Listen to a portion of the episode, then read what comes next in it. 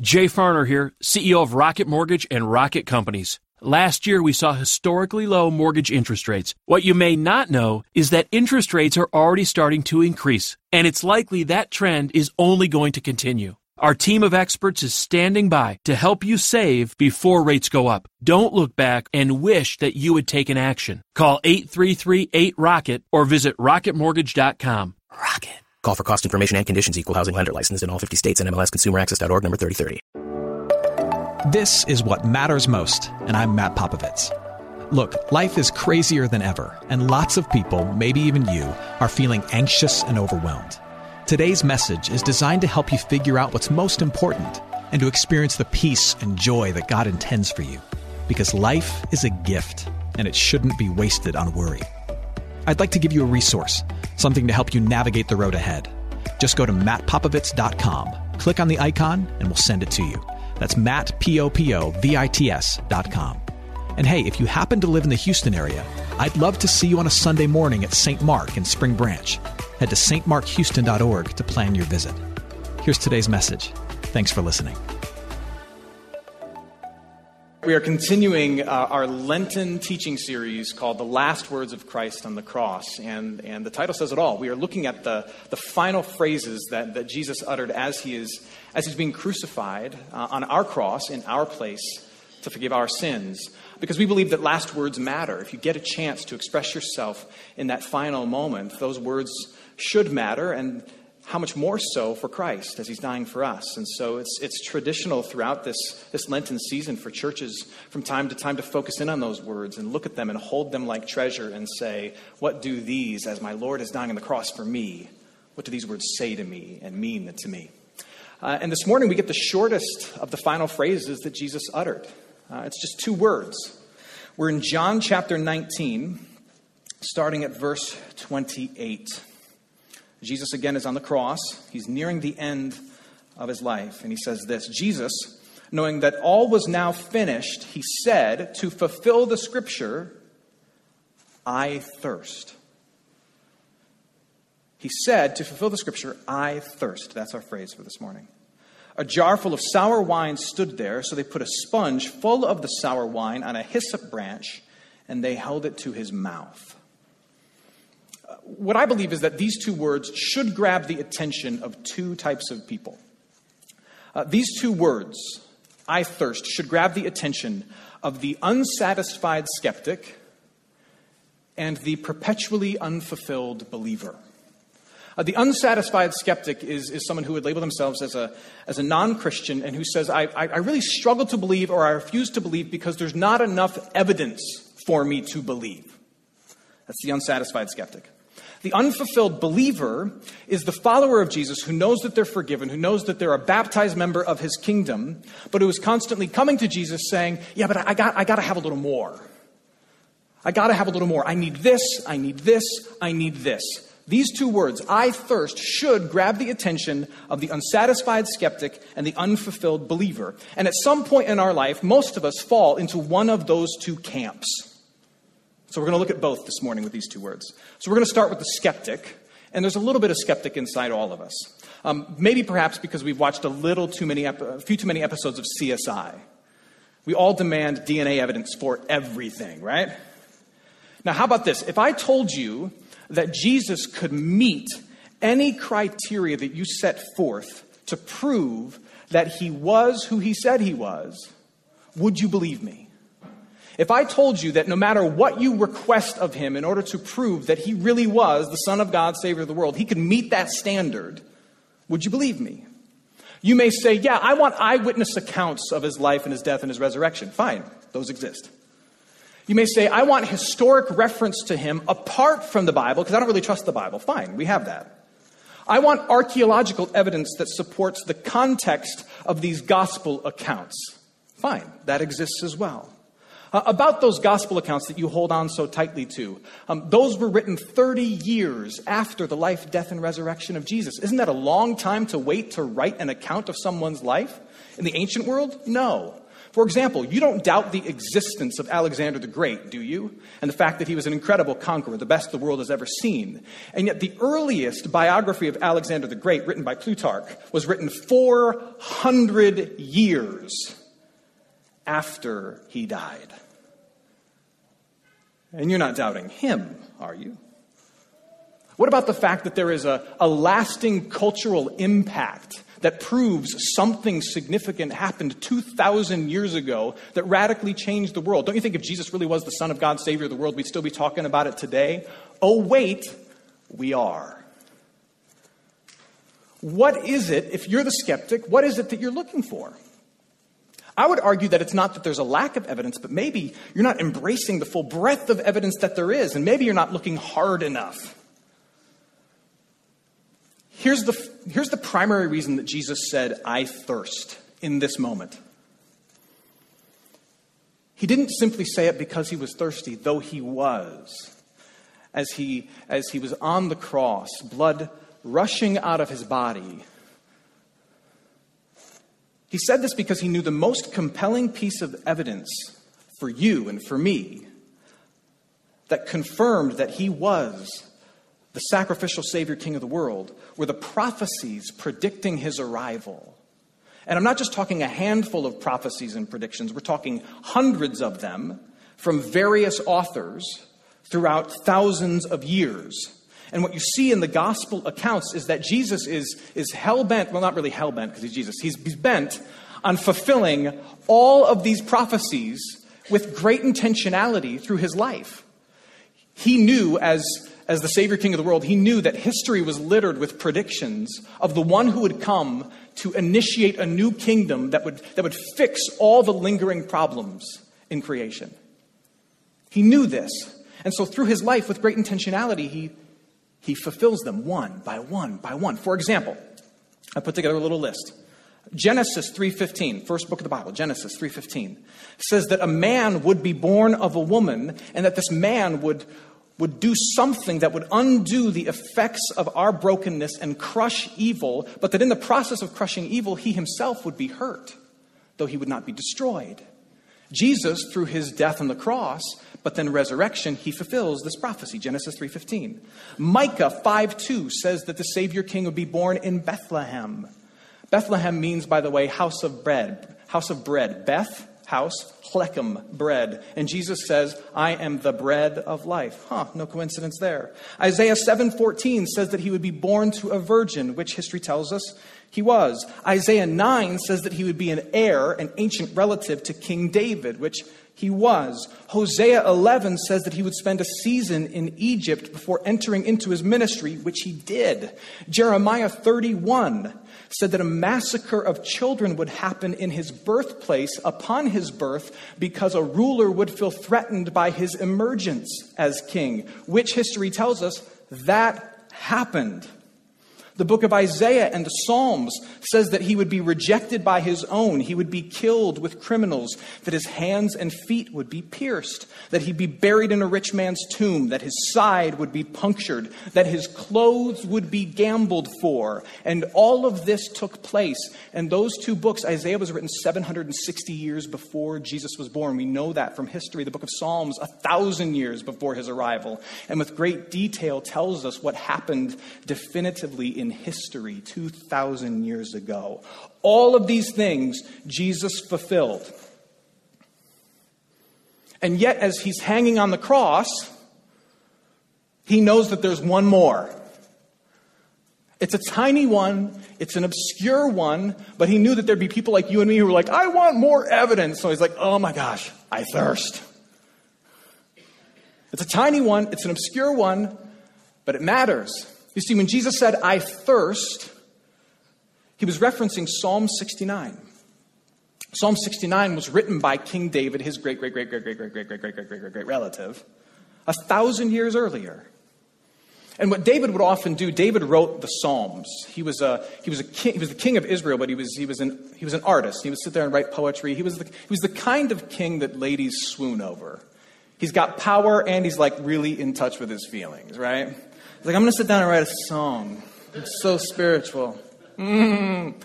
People loved him, right? He would sit down and he would write these psalms, and, and, and, and um, what, what we believe is that the Spirit of God was, was, was strong with that one, right? And, and that when he would sit down and he would write these psalms, he would write them not just about his own circumstance, but he would write them with a forward view to, to the ultimate king who would come to save the world. Because David knew that, that his, his throne, his earthly throne, was just a glimmer and a glimpse of an ultimate heavenly throne that this Savior King would sit on. And so he wrote about his circumstances, but he also wrote looking forward, saying, What happens to me is going to happen in bigger ways to this Savior King. And so he wrote some of these Psalms that were known as messianic. Um, mess- Messiah means Savior King. So he wrote these Savior King future Psalms. And one of them was Psalm 69. And he says this I am weary with my crying out, my throat is parched. Yet they gave me poison for food, and for my what? Thirst they gave me sour wine to drink. So when Jesus says, I thirst to fulfill the scriptures, and then they give him the sour wine to drink, he knows exactly what he's doing. It's, it's one last way for him to say, Don't you get it?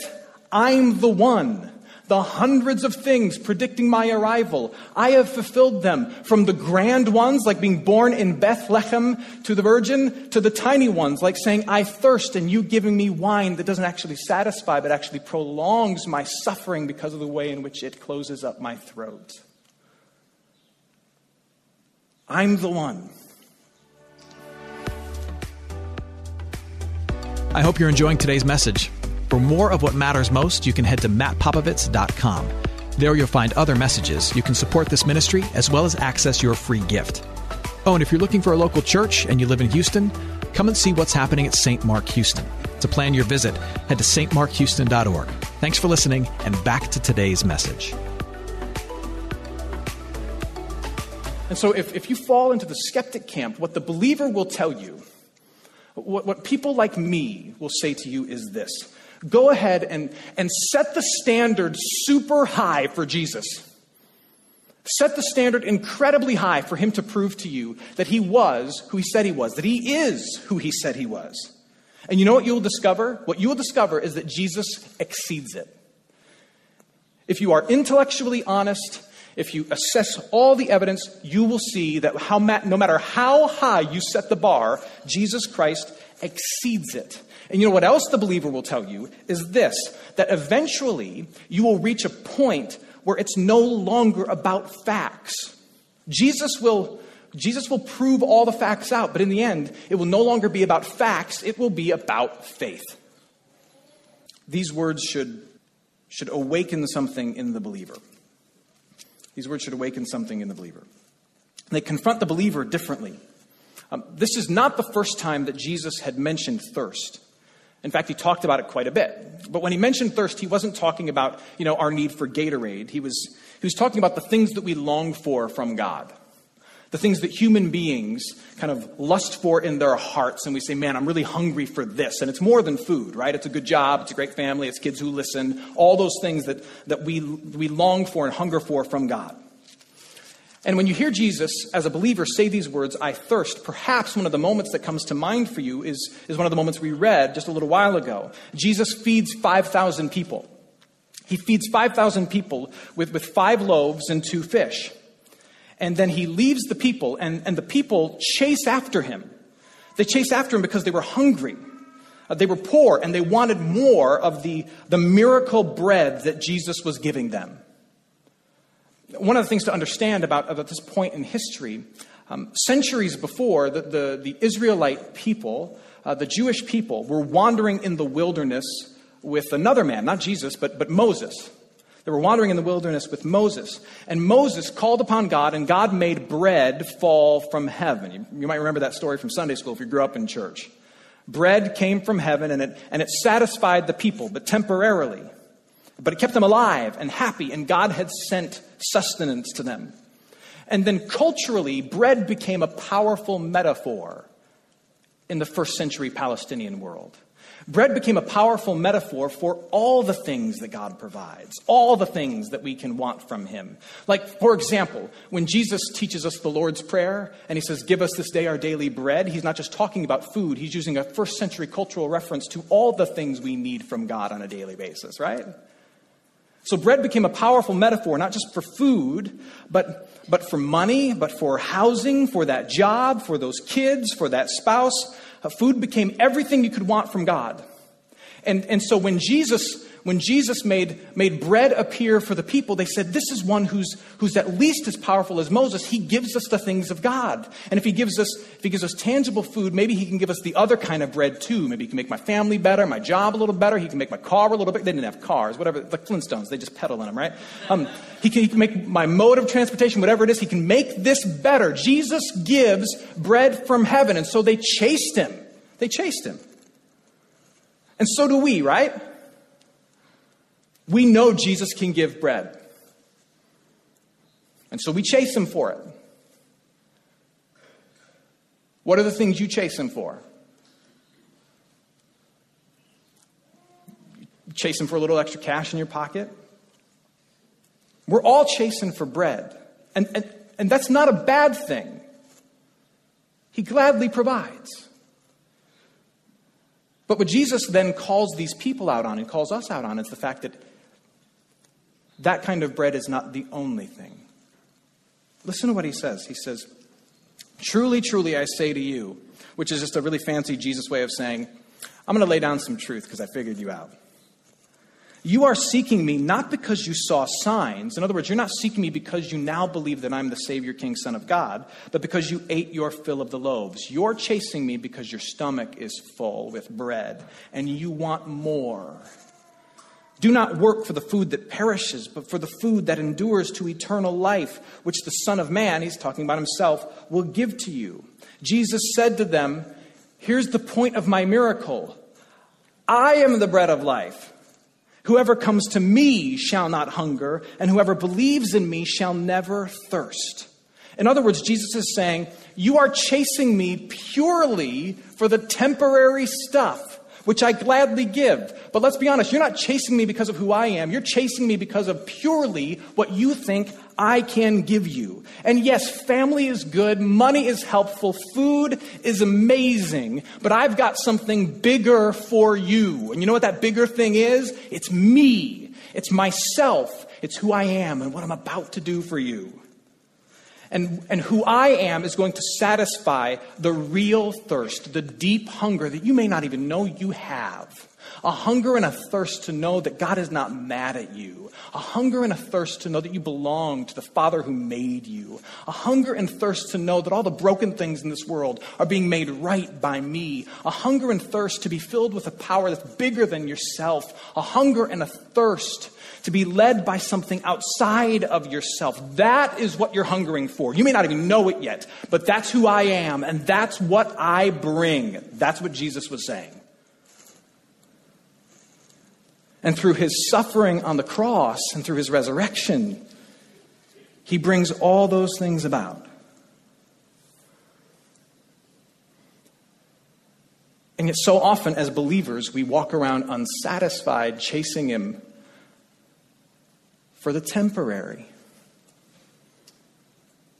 And, and what's interesting, believer, is that the skeptic would have something to say to us. You know what the skeptic would say to us as believers would be this is that you, you, you, the, Christian, you, you believer of all people, you should have joy.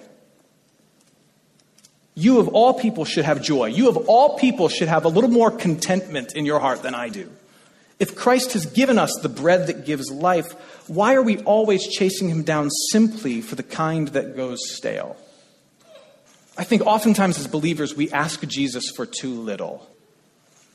Again, I think of relationships and how they mature and change over time. Um, when, when, you first meet someone who would eventually become your best friend, or you, you meet someone who would eventually become your spouse, it's interesting. When you first meet that person, you're really excited about this. Like, I got a new best friend, or I might marry this girl, right? You're really excited about it. But primarily, what you're excited about are, are initially somewhat trivial things. What's interesting is that as the relationship matures and, you, and this person walks with you consistently over time, and you see them sacrifice for you or, or give of themselves over and over and over for you, as the relationship matures, what you start to see is that the real gift of the relationship is not the things that they do for you, but the real gift of the relationship is what? It's just them. And so you get to a point after years and years of marriage where you can say, and it's not cheesy, it's just true, you can say to your spouse, baby, we might not have much, we might not have much bread. But as, but as long as we have each other, I am honestly satisfied.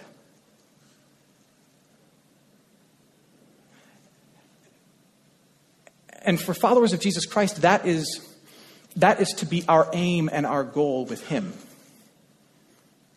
that as we mature and move forward and we feel the ocean of grace that He gives to us day after day, we move beyond the things He does for us.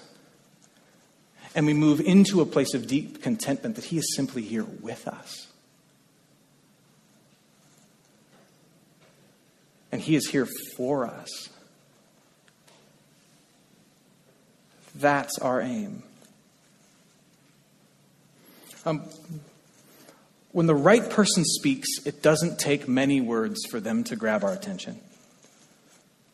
And, and these two words of Jesus, I thirst, are really easy to overlook, but when you unwrap them, they can grab a hold of our hearts. And, and one of the things that I just want to kind of land the plane with this morning is this that, that no matter your worldview, whether you find yourself in a place of skepticism about the person and work of Jesus, or, or you find yourself in, uh, um, as, as a believer and a follower who yet is kind of perpetually unsatisfied with the level of bread that he's giving you, if you call yourself consistent with your worldview as, as, a, as a skeptic or as a believer, these two words matter to you. Because these two words call you to account. Because you may say, I'd believe if there were more evidence. And these words, this detailed fulfillment of all the predictions and all the prophecies, they demand your attention if that's truly what you believe. And you may say, I'm a follower of Jesus. He's my God. He's my King. I am satisfied with Him. If that is true, then these two words demand your attention because the struggle He endured for you, the terrible thirst He endured for you, demands your attention because it shows the depth of His love and His care and His sacrifice for you. They grab your attention. And what they say to us, whether you are a skeptic who refuses to believe or whether you are a believer who refuses to be content, these words, I thirst, say to both of us the same thing. It says to the skeptic and to the believer, it says, Jesus is sufficient. Jesus is sufficient. He has met every demand for evidence that you could possibly bring to him. Jesus is sufficient. He has demonstrated to you the depth of his love and his care through his sacrifice on the cross and his attention to detail in assuring you of his identity. Jesus is sufficient. He's the one that you're looking for, he's the one that you've longed for. Uh, Malcolm Muggeridge, awesome name. Sounds like he should be a character in a Harry Potter book, right?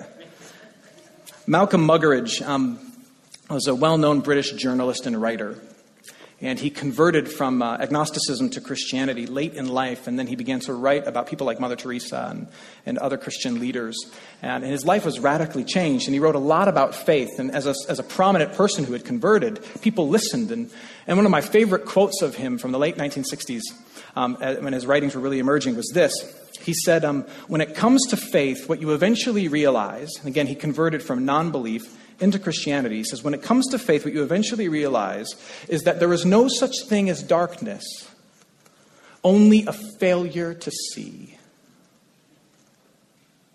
There is no such thing as darkness, only a failure to see. And I think that speaks to the skeptic and to the unfulfilled believer. There is no such thing as a lack of evidence for Jesus Christ, only a failure to see. And there is no such thing as a Jesus who does not satisfy or give you what you want, only a failure to see. So may our hearts be broken and be brought to eyes wide open. I'm going to close by praying for you, uh, for us. But before I do that, I want you to ask yourself a question. If you had to put yourself in one of those two camps, where would you put yourself? Are you more of a skeptic in this moment about the person and work of Jesus Christ, or are, are you um, what I tend to be, an unfulfilled follower who's just demanding more bread? Which of those two camps do you find yourself in? And my prayer for you is going to be very simple. I'm going to give away the punchline right now. I'm going to pray that you would be satisfied with Jesus. Hey, it's Matt. I hope you enjoyed what matters most. Here's what I need you to know life is a gift, and it shouldn't be wasted on worry. I want to help you figure out what's most important and to experience the peace and joy that God intends for you. So, for more content, you can head to mattpopovits.com. That's Matt, P O P O V I T S.com. There, you can also support this ministry as well as access your free resource, a little something to help you navigate the road ahead. I'd also love to see you on a Sunday morning. If you're in the Houston area, head to stmarkhouston.org to plan your visit. In the meantime, hit me up on Instagram at mpopovits or at facebook.com slash Ministries. Thanks for listening. Now go and hold tight to what matters most.